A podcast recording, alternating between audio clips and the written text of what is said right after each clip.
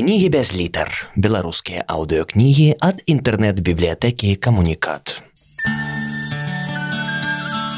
Уладзімир Арлоў Айчына. Маляўнічая гісторыя. Частка другая ад агінскага да Багушевіча чытае аўтар. Аповед 16 знайшлі ў Беларусі другую радзіму На землях вялікага княства літоўска жылі не толькі ліцвіны беларусы і продкі сучасных літоўцаў замойты, але і прадстаўнікі іншых народаў. Яшчэ ў часы старажытных беларускіх княстваў нямецкая факторыя, гэта значыць гандлёвае паселішча існавала ў полацку. Купцы з нямметчыны жылі ў віцебску горадні у падуладных полацкім князям гарадах герсіка і куканос на дзвіне. На пачатку 14 стагоддзя вялікі князь гедзімін запрасіў у сталічную вільню рамеснікаў з нямецкіх гарадоў бремена і любыка. Дзве тысячи немцаў жылі ў 19 стагоддзі ў менску. Памятны знак нямецкай слабадзе усталяваны цяпер у сталічным лютэранскім скверы. Пад націскам тэўтонскіх рыцараў у вялікае княства літоўскае перайшлі тысячи балтаў прусаў. Пра іх нагадваюць цяпер назвы некалькіх вёсак прусы у розных мясцінах беларусі. Немало ў нас паселішчаў з назвамі што сведчыць пра іхніх даўніх жыхароў латышоў. Латыгава латыголічы латыгаль латышы. Разам з жонкаю вялікага князя гемонта старога італьянкай бонай сфорца да нас прыехала немало яе суайчыннікаў прыдворных. У буйных беларускіх гарадах жылі армяне Менавіта армянін Ян Маджарскі, а затым ягоны сын Лявон кіравалі знакамітай мануфактуры, дзе выраблялі слуцкія паясы. Палякамі з нараджэння былі дзеячы нашай гісторыі культуры, самон будны, Мацей Казімир Сарбеўскі, Мацей Стрыльковскі, Пётр Скарга. Аднак значных перасяленняў палякаў на беларускія землі ніколі не было. Праўда, пасля люблінскай вуніі, калі Польшча вялікае княства аб'ядналіся ў рэч паспалітую, у літве Беларусі ўзмацніўся польскі ўплыў і шляхта пачала пераходзіць на мову суседзяў. Але па-ранейшаму лічыла сябе не польскай, а ліцвінскай. А вось некаторыя несумленныя сучасныя аўтары залічваюць у палякі не толькі шляхту, а і ўсіх беларусаў каталікоў, якія часта не ведаюць ні польскай мовы, ні польскіх традыцый. У гэтым апавяданні пойдзе гаворка пра нацыянальныя мяншыні Беларусі, што на працягу стагоддзяў не страцілі адметнасці. Ужо восьмае стагоддзя жывуць на беларускай зямлі татары. Вялікія князі Гедемін, Кейстут і Альгерт запрашалі татараў на вайсковую службу. Поплеч з рыцарамі ліцвінамі яны адбівалі напады тэўтонцаў. Асабліва шмат татараў прыйшло і мірна пасялілася у літве беларусі у часы вітаўта вялікага. Ён з пашаную пасяліў у лідзе хана залатой арды тахтамыша, войскі якога былі разбітыя супернікам цімурам. Разам з ліцвінскім войскам тахтамыш здзейсніў два паспяховыя паходы пад азов і ў Крым. Адтуль з пераможцамі прыйшлі шматлікія татарскія сем'і, што не прызнавалі ўлады цімура. Іх пасялілі ў троцкім, лідскім, ашмянскім, наваградскім і берасцейскім паветах. Татары атрымалі зямлю і тыя ж правы, што і астатнія жыхары вялікага княства. Ім дазволілі вызнаваць мусульманскую веру і будаваць мячэці. Перасяленцы з усходу прысягалі на вернасць новай айчыне і былі яе мужнымі абаронцамі. Захаваўся тэкст прысягі, што татары давалі на шаблях вялікаму князю. Яны кляліся быць адданамі гаспадару і ягоным падданым ліцвінам, бо цяпер у іх агульная земля, вода і дрэвы. Конніца жылала адзіна аднаго з сыноў тахтамыша разам з палкамі вітаўта адважна білася з тэўтонцамі под грунвальдам. Татары па-майстэрску карысталіся вяроўкамі арканамі. Яны сцягвалі сёдлаў закутах у цяжкія панцыры крыжакоў і надолі тыя рабіліся бездапаможнымі. Дарэчы, татары ўпэўненыя, што якраз іхні ваяр забіў в адзінаборстве вялікага магістра тэўтонскага ордана Ульрыха фон Юнгенгена. Шмат татараў вызначылася і в іншай пераможнай бітве аршанскай, дзе войска вялікага княства разбіла амаль утрая большыя сілы маскавітаў. У арміі нашай тагачаснай дзяржавы кожны дзясяты быў татарынам. Апрача вайсковай татары спраўна выконвалі кур'ерскую каравульную і транспартную службу. Прадстаўнікі гэтага народа служылі ў дыпламатычным ведомстве, былі перакладчыкамі і пісарамі ў великакняскай канцылярыі. Десяткі татарскіх афіцэраў вызначыліся смеласцю ў паўстанні Тадеуса касцюшкі. З татарскага рода паходзіў і сам генерал Якуб Ясінскі, які кіраваў змагарамі на землях вялікага княства. Ягонымі паплечнікамі былі татары, камандуючы корпусам Язэп Бяляк і камандзір палка Якуб Азулевич. За павяданне пра падзеі 1812 года вы даведаліся пра татарскі эскадрон Мустафы Ахматовича, што ваяваў у гвардыі Наполеона. Большыня беларускіх татараў налезла да шляхты, мела землі, маёнткі, гербы і вольнасці гэтага стану грамадства вядомыя каля 50 знатных татарскіх родаў адамовичы ахматовичы асановичы базарэўскія бахарэвичы дзедулевичы завадскія канапацкія карыцкія крычынскія малышевичы сабалеўскія смольскія солтаны сяліцкія талькоўскія улановичы халецкія эльяшевичы юзефовичы юшынскія яблонскія якубоўскія янушеўскія шмат нашчадкаў нашых татараў маюць прозвішча александрович бабак богданович богушевич барановскі заблоцкі романович. Магчыма з гэтага ўсходняга народа паходзяць і вашыя продкі. Але каб высветліць тое аднаго прозвішча мала. Трэба шукаць дадатковыя звесткі ў сямейных і дзяржаўных архівах. Немало татараў, што пасяліліся ў вёсках, гарадах і мястэчках і не мелі шляхецкага радаводу, паспяхова займаліся земляробствам і агародніцтвам. Славіліся як надзейныя вознікі майстравітыя гарбары кушняры краўцы ганчары. У девятнацатым стагоддзі сотні татараў жылі ў пінску відзах докшыцах мядзелі глыбокім клецку наваградку іве смілавічах татарская вуліца дагэтуль захавалася ў вільні Блізу 500 татараў былі ў той час жыхарамі Менска, дзе існавала цэлае татарскае прадмесце. Сучасная менская вуліца Дмітрова раней называлася вялікай татарскай. А недалёка на вуліцы вызвалення у 1920 гады была татарская школа. Свой след гэтая нацыянальная меншыня пакінула ў найменніх беларускіх паселішчаў. Арда, абчак, мамаі, татарка, татаршчына, койданова. У 16-17 стагоддзях татары паступова страцілі сваю мову і перанялі беларускую, узбагаціўшыя многімі сваімі словамі. Паводле падлікаў філолагаў такіх слоў некалькі сотняў. Некаторыя сёння здаюцца нам спрадвечна беларускімі. Андарак, баран, бязмен, буран, гарбуз, гурт, дзіда, дуда, кабан, кабыла, кавун, каўбаса, курган, сабака, тавар, торба, туман, тытунь, хамут, харч і нават бусел. Іх лічыў словамі татарскага паходжання мовазнаўца акадэмік Яўхімкарскі.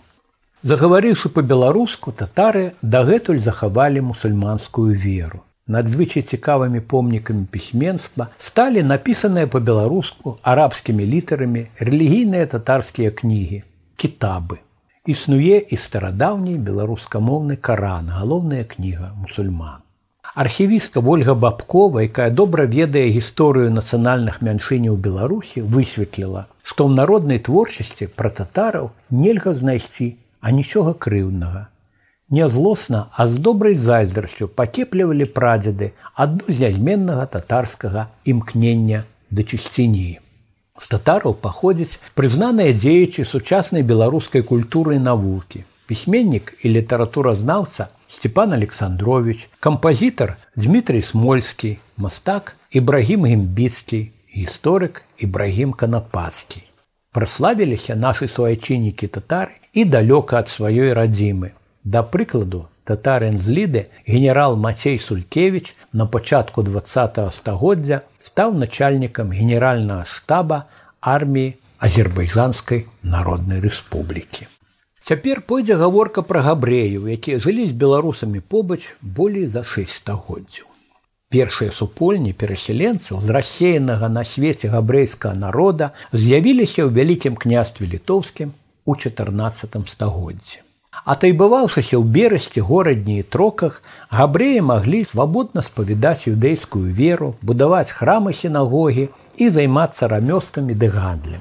За забойства габрэя вінаватага чакала такое ж пакаранне, як і за шляхціча.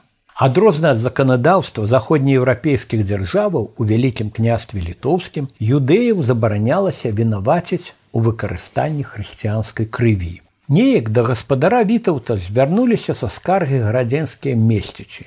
Маўляў, габрэі пякуць мацу на крыві дзетак мясцовых жыхароў. Князь загадаў неадкладна паклікаць аўтараў скаргі. Калі тыя з'явіліся, Вітаўт даў кожнаму па вялікім куходным нажы. У палацавую залу прывялі чародку на палоханах маленькіх габрэйскіх дзяцей. Рэшце крыкнуў гневаны князь. Вы здумаеце, што это так лёгка дзіця зарэзаць. У выніку прысаромленыя мясчане адклікалі скару. Вялікая хваля габрэяў прыйшла на беларускія землі ў другой палове 16 стагоддзя калі пачаўся пераслед юдэяў у польшчы нямметчыне і амаль ва ўсіх краінах заходняй Еўропы. Неўзабаве у літве беларусі жыло ўжо некалькі дзясяткаў тысяч габрэяў, прычым іхняя колькасць увесь час расла. У некаторых гарадах і мястэчках да юдэяў належаў кожны дзясяты жыхар. А вось у замойце радзіме сучасных літоўцаў да габрэяў ставіліся вельмі жорстка до конца 18 стагоддзя ім не дазвалялі сяліцца ў гарадах і юдэі маглі жыць адно ў мястэчках пад апекую магнатаў. Габрэі былі пераважна дробнымі рамеснікамі і гендлярамі. Хоць між іх знаходзіліся і такія багатыя купцы да ліхвяры, што маглі ўплываць на агульнадзяржаўныя справы. Падаткі з габрэяў ішлі на ўтрыманне войска. Аднак пасля цяжкіх войнаў вялікія князі і каралі часова вызвалялі юдэяў ад выплаты з грошай. Як казаў адзін з нашых канцлераў, нельга рэзаць курыцу, што нясе залатыя яйкі. У Масковіі стаўленне да габрэяў было зусім іншае. Калі ў часы інфлянскай вайны войска маскоўскага князя Івана жахлівага захапіла полацак, жыхароў юдэяў ад старога да малога патапілі пад лёдам з віны і валовай азярыны. У часы крывавага потопу сярэдзіны 19 стагоддзя, рухаючыся па Беларусі стральцы цара Алексея Михайловича зноў жа бязлітасна знішчалі на сваім шляху усіх габрэяў, што траплялі ім у руки. Асаблівай лютасцю зверствамі вызначыліся тагачасныя царскія хаўруснікі, украінскія казакі. Але габрэі маглі пастаяць за сябе. Яны побач з ліцвінамі баранілі гарадскія валы і муры, адбівалі варожыя штурмы, хадзілі ў конныя і пешыя вылазкі на непрыяцеля. У 1654 годзе болей за тысячу габрэяў праславіліся гераічна абараняючы ад расійскіх акупантаў стары быхаў. Габрэйскім жыццём кіравалі рады кагалы. Найбольшымі юдэйскімі супольнямі лічыліся гарадзенская, берасцейская, пінская і слуцкая. Пазней сталіцай беларускага габрэйства сцвердзіла сябе вільня. Яе часта называлі усходнім Ерусалімам. Беларусь сталася буйным асяродкам габрэйскай асветы. У 16 стагоддзі былі заснаваныя вышэйшыя навучальні для падрыхтоўкі рабінаў і шыботы у берасці і горадні. Праславіліся на ўвесь габрэйскі свет і шыботы ў валожані, любавічых, пінску, міры, радуні, у менскім ешыбоце выкладаў выдатны знаўца торы і талмуда святых юдэйскіх кніг гельперын рэлігійную літаратуру выдавалі габрэйскія друкарні ў склове і горадні. Калі землі вялікага княства літоўска захапіла расійская імперія габрэі былі абмежаваныя ў правах і маглі жыць толькі ў далучаных заходніх губернях за так званай мяжой аселасці.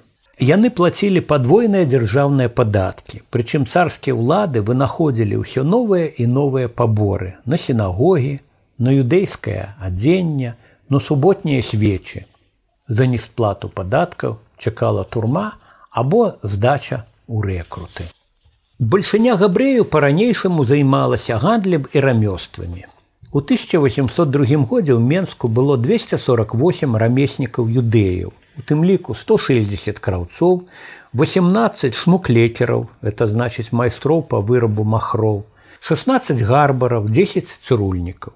Тут працавалі млынары, кавалі, свечнікі, скляры, гадзіншчыкі, шаўцы, злотнікі, бялільнікі палотнаў, цісляры, сталяры, шытары, это значыць пераплётнікі кніг. Юдэі не маглі перасяляцца за вызначаную ім мяжу, таму іхняя колькасць у беларускіх губернях няўхільна павялічвалася. Пры канцы 19 стагоддзя іх налічвалася каля аднаго мільёна або 15 процентаў усіх жыхароў. Габрэі складалі звыш паловы насельніцтва ў Менску, віцебску, гомелі, пінску, бабруйску. У Магілёве было 38 сінагог і юдэйскіх малітоўных дамоў, у полацку 25. Самая старая з беларускіх сінагог, якія захаваліся дасюль слонімская, пабудаваная ў 1642 годзе. У ёй пасля рэстаўрацыі плануецца размясціць музей габрэйскай культуры. Яшчэ больш чым у гарадах юдэяў жыло ў мястэчках. Многія з іх амаль цалкам былі населеныя габрэямі. З мовы ідыш, на якой яны гаварылі, да нас прыйшлі словы квецаць, транты, гвалт, гармідар, цымус, хаўрус, хеўра. Беларускія габрэі далі знакамітых асобаў у самых розных галінах чалавечай дзейнасці. Недалёка ад стоўбцаў нарадзіўся філосаф Саламон Майман.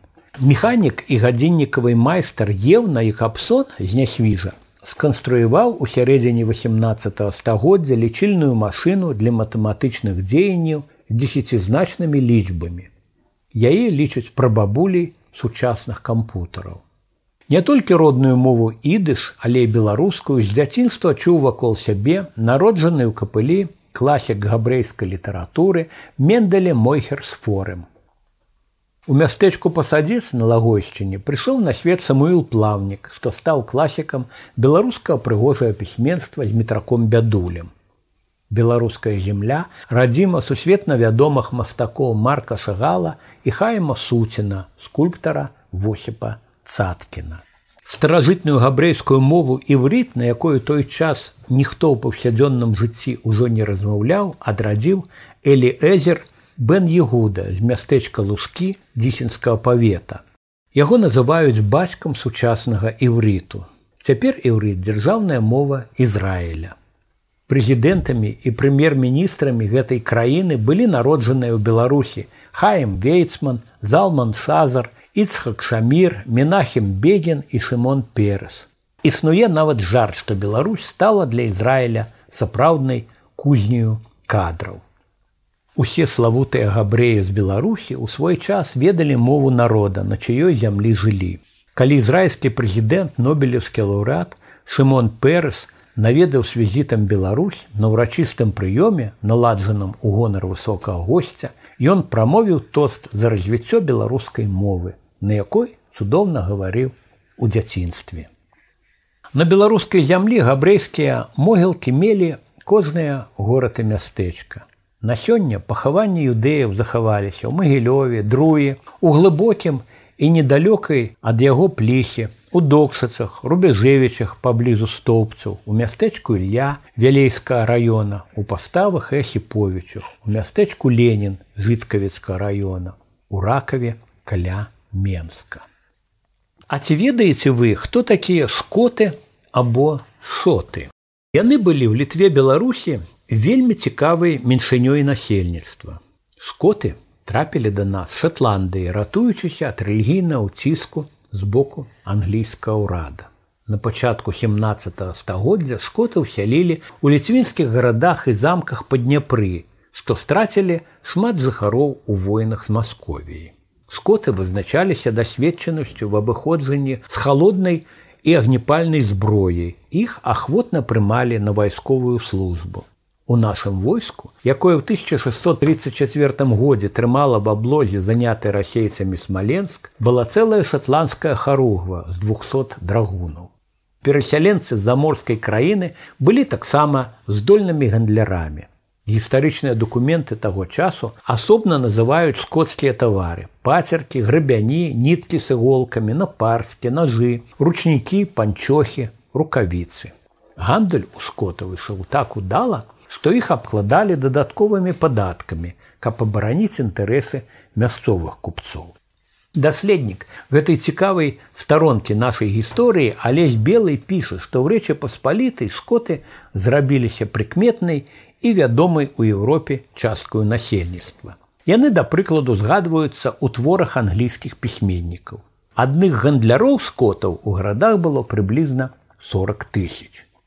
З першай часткі кнігі Айчына вы, мабыць, запомнілі аповед пра князя Миколая радзівіла сіродку, які вандраваў па розных краінах У падарожных нататках князь пісаў пра сустрэтах ім у серыі гандляроў, што яны быццам нашыя скоты, у корабах розныя дробныя рэчы па вуліцах на продаж носяць.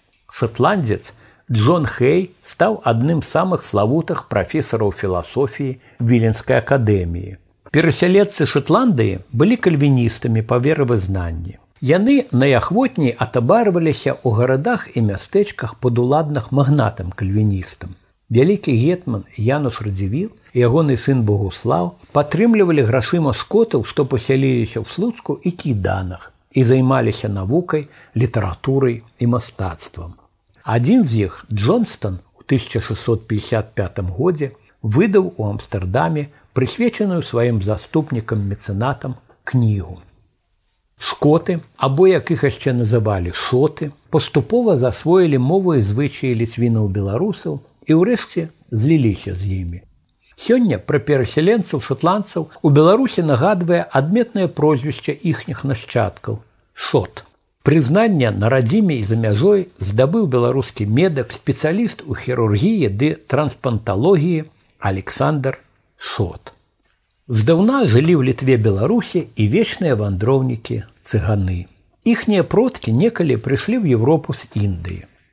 Першая згадка пра айчынных цыганоў у дакументах датаваная 1501 годам. Яны прывандравалі ў нясвіш на чале з войтам Васілём. Вялікі князь Александр выдаў Васілю адмысловую грамату прывілей, дзе абвяшчаў новым падданам поўную свабоду паводле даўніх прабоў і звычаяў і даўніх лістоў князькіх. Гэта значыць, што цыганы з'явіліся ў нас значна раней і мелі прывілеі яшчэ ад папярэднікаў гаспадара Александра на вялікакнязкім троне. Цыганы, у залежнасці ад таго, дзе пасяліліся, прымалі праваслаўную або каталіцкую веру суседзяў. Яны хадзілі ў храмы, адзначалі ўсе хрысціянскія святы, ды адначасова моцна трымаліся уласных традыцый. Ніхто з цыганоў не адмаўляўся і ад роднай мовы, Аднак усе ведалі і беларускую. У халодную пару года цыганы жылі на адным месцы, а з надыходам вясны збіраліся ў табар з трох пяці сем'яў і выпраўляліся вандраваць. На жыццё гэты народ зарабляў сабе самымі рознымі шляхамі. Мужчыны гандлявалі коньмі, не цураліся іканакратства, былі спрактыкаванымі кавалямі, гарбарамі, разбірамі па дрэве, плялі моцныя вялікія кашы, выраблялі з ліпаю дубу адметны прыгожы посуд. Шляхта нярэдка наймала цыганоў служыць пры стайнях. Яны займаліся гадоўляй коней, лекавалі іхнія хваробы, аб'язджалі маладых наравістых кабыл і жарабцоў. Нязменнымі былі цыганы і ў застоліцах гаспадароў шляхцічаў, што любілі пагрэць кроў не толькі віном і хмельным мёдам, але і цыганскай песняй. Жанчыны цыганкі славіліся як варажбіткі, знахаркі, цудоўныя танцоркі і співачкі. Улады вялікае княства спрабавалі прывучыць цыганоў да аселага жыцця. Дзеля гэтага вялікія князі прызначалі ім старшыняў, што мелі над цыганскай грамадой велізарную ўладу гэтых старшыняў мінавалі каралямі. Самым знаным такім валадаром са сталіцыю мястэчку мір стаў Ян Марцынкевич. Ён караляваў 12 гадоў і праславіўся дзівацтвамі і схільнасцю да раскошы. Калі гэты кароль Ян збіраўся аглядаць свае ўладанні з брамы ягонага палацака зазвычай выязджала вялікая кавалькада. Уперадзе ехалі 10 спеваков і музыкаў, За імі на пародзістым дарагім кані страката ўбраны манарх з бізуном у руцэ, потым почат, гэта значыць світа сямі цыганоў у рознакаляровых апранахах, ад чаго аж на стракацела ўваччу. Затым вялі 12 аседланых коней без седакоў і нарэшце у вялізнай старасветскай карэце рыдване запрэжаныя васьмерыком коней рухалася яе вялікасць каралева.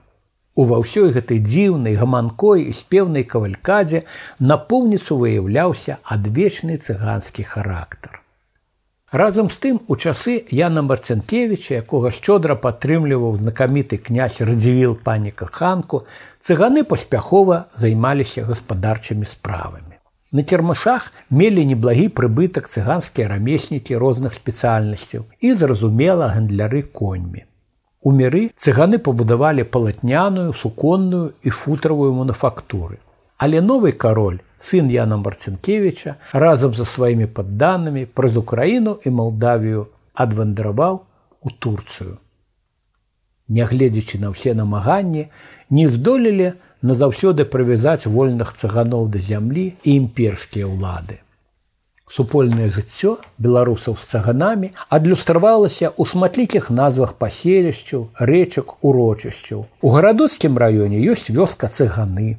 Паблізу міра цыганская гара, на беразе дзвіны ў наваколлі віцебска цыганскі камень. У розных кутках Беларусі вы сустрэнеце цыганскі ручай і цыганскую рэчку, цыганкову ніву, цыганскія слабодкі. Пагаворым цяпер яшчэ пра адных даўніх перасяленцаў на нашу зямлю пра расейцаў старавераў у дзяржаве нашых прадзедаў шмат вякоў мірна жылі побач людзі розных веравызнанняў і нацыянальнасцяў іхнія правы былі замацаваныя ў законах і не раз пацвярджаліся у суседняй масковіі а затым у рассеі панавалі зусім інакшыя парадкі на чужаземцаў і іншаверцаў глядзелі з падазрэннем няхрышчаным як там іх называлі немцам не дазвалялася заходзіць у царкву. А калі нехта з іх і трапляў туды яго адразу выганялі і мылі падлогу. У ісціннае рускае праваславие перахрышчвалі праваслаўных беларусаў прымусова пераселеных на расійскія землі у часы войнаў. Вы не забылі, што здарылася з біблійнымі кнігамі франціска скарыны, калі ён прывёз іх у Маскву і прапанаваў там наладзіць кнігадрук. Так з гэтых кніг склалі велізарнае вогнішча. Ерась і хулу ў Масковіі шукалі ў кожнай драбніцы і часта вынішчалі іх разам з так званымі вінаватамі. Не было літасці і сваім за суайчыннікам. У сярэдзіне 17 стагоддзя маскоўскі патрыарх Нікан увёў у царкоўнае жыццё змены, прынятыя не ўсімі святарамі і вернікамі. Нязгодных назвалі раскольнікамі або стараверамі ці стараабраднікамі і разгарнулі з імі бязлітаснае змаганне. Некалькі дзясяткаў тысяч у партах старавераў асудзілі на смерць. Пазбавіць жыцця маглі проста за тое, што раскольнік хрысціцца не трымае, як загадаў нікан, а двума пальцамі. 20 тысяч старавераў, каб не трапіць на здзейкі катавання, учынілі самаспаленне супраць прыхільнікаў старых традыцый улада вела сапраўдныя ваенныя дзеянні. Войскі трымалі в аблозе манастыры, прачесвалі лясы, каралі смерцю узятых у палон нечысцівых врагов государя і церкві. Старавераў абклалі падвойнымі падаткамі, прымушалі насіць асаблівае адзенне. Ратуючыся ад пераследу стараабраднікі тысячамі уцікалі ў верацярпімае вялікае княства літоўскае. Адны сяліліся пераважна на паўночных беларускіх землях полацкага і віцебскага воеводстваў. Другія абралі паўднёвы ўсход Беларусі, мсціслаўскае воеводства і рэчаскі павет менскага воеводства. Сталіцаю перасяленцаў стаў заснаваны імі недалёка ад гомеля горад ветка. У ім і ў наваколлі жыло 40 тысяч перасяленцаў з рассеі. Старыя абраднікі вольна займаліся земляробствам, рамёстамі і гандлем, друкавалі забароненыя ў рассіі еретычныя кнігі. Іхнія церквы і манастыры ў багацці часта не саступалі беларускім. Манастыры, стараверы стварылі веткаўскую сколу і іканапісу. Адметна аздаблялі арнаментамі гравюрамі свае кнігі. Цяпер гэтыя творы вы ўбачыце ў веткаўскім музеі народнай творчасці. Царскія ўлады былі занепакоеныя масавым пераходам старавераў у вялікае княства і выставілі патрабавання вярнуць уцекачоў. Калі ў Петербург поступила адмова, там вырашылі перайсці да карных дзеянняў. У 1735 і 1764 годах царскія войскі двойчы ўрываліся ў нашу дзяржаву і палілі ветку с навакольнымі слабодамі. Непакорлівых старавераў тысячамі выводзілі ў рассею, дзе іх чакалі катаванні і высылка ў Сібір. Калі беларускія землі былі ўжо ў царскай імперыі, былыя ўцікачы, што знайшлі калісьці тут абарону дад пераследу, аддзячылі новыя радзіме сапраўднай здрадай. Яны надзвычай варожа сустрэлі вызвольныя паўстанні 1831 і 1863 гадоў. Стараабраднікі наводзілі карнікаў на лагеры змагароў за свабоду, грамілі маёнткі паўстанцаў, учынялі над імі самасуд.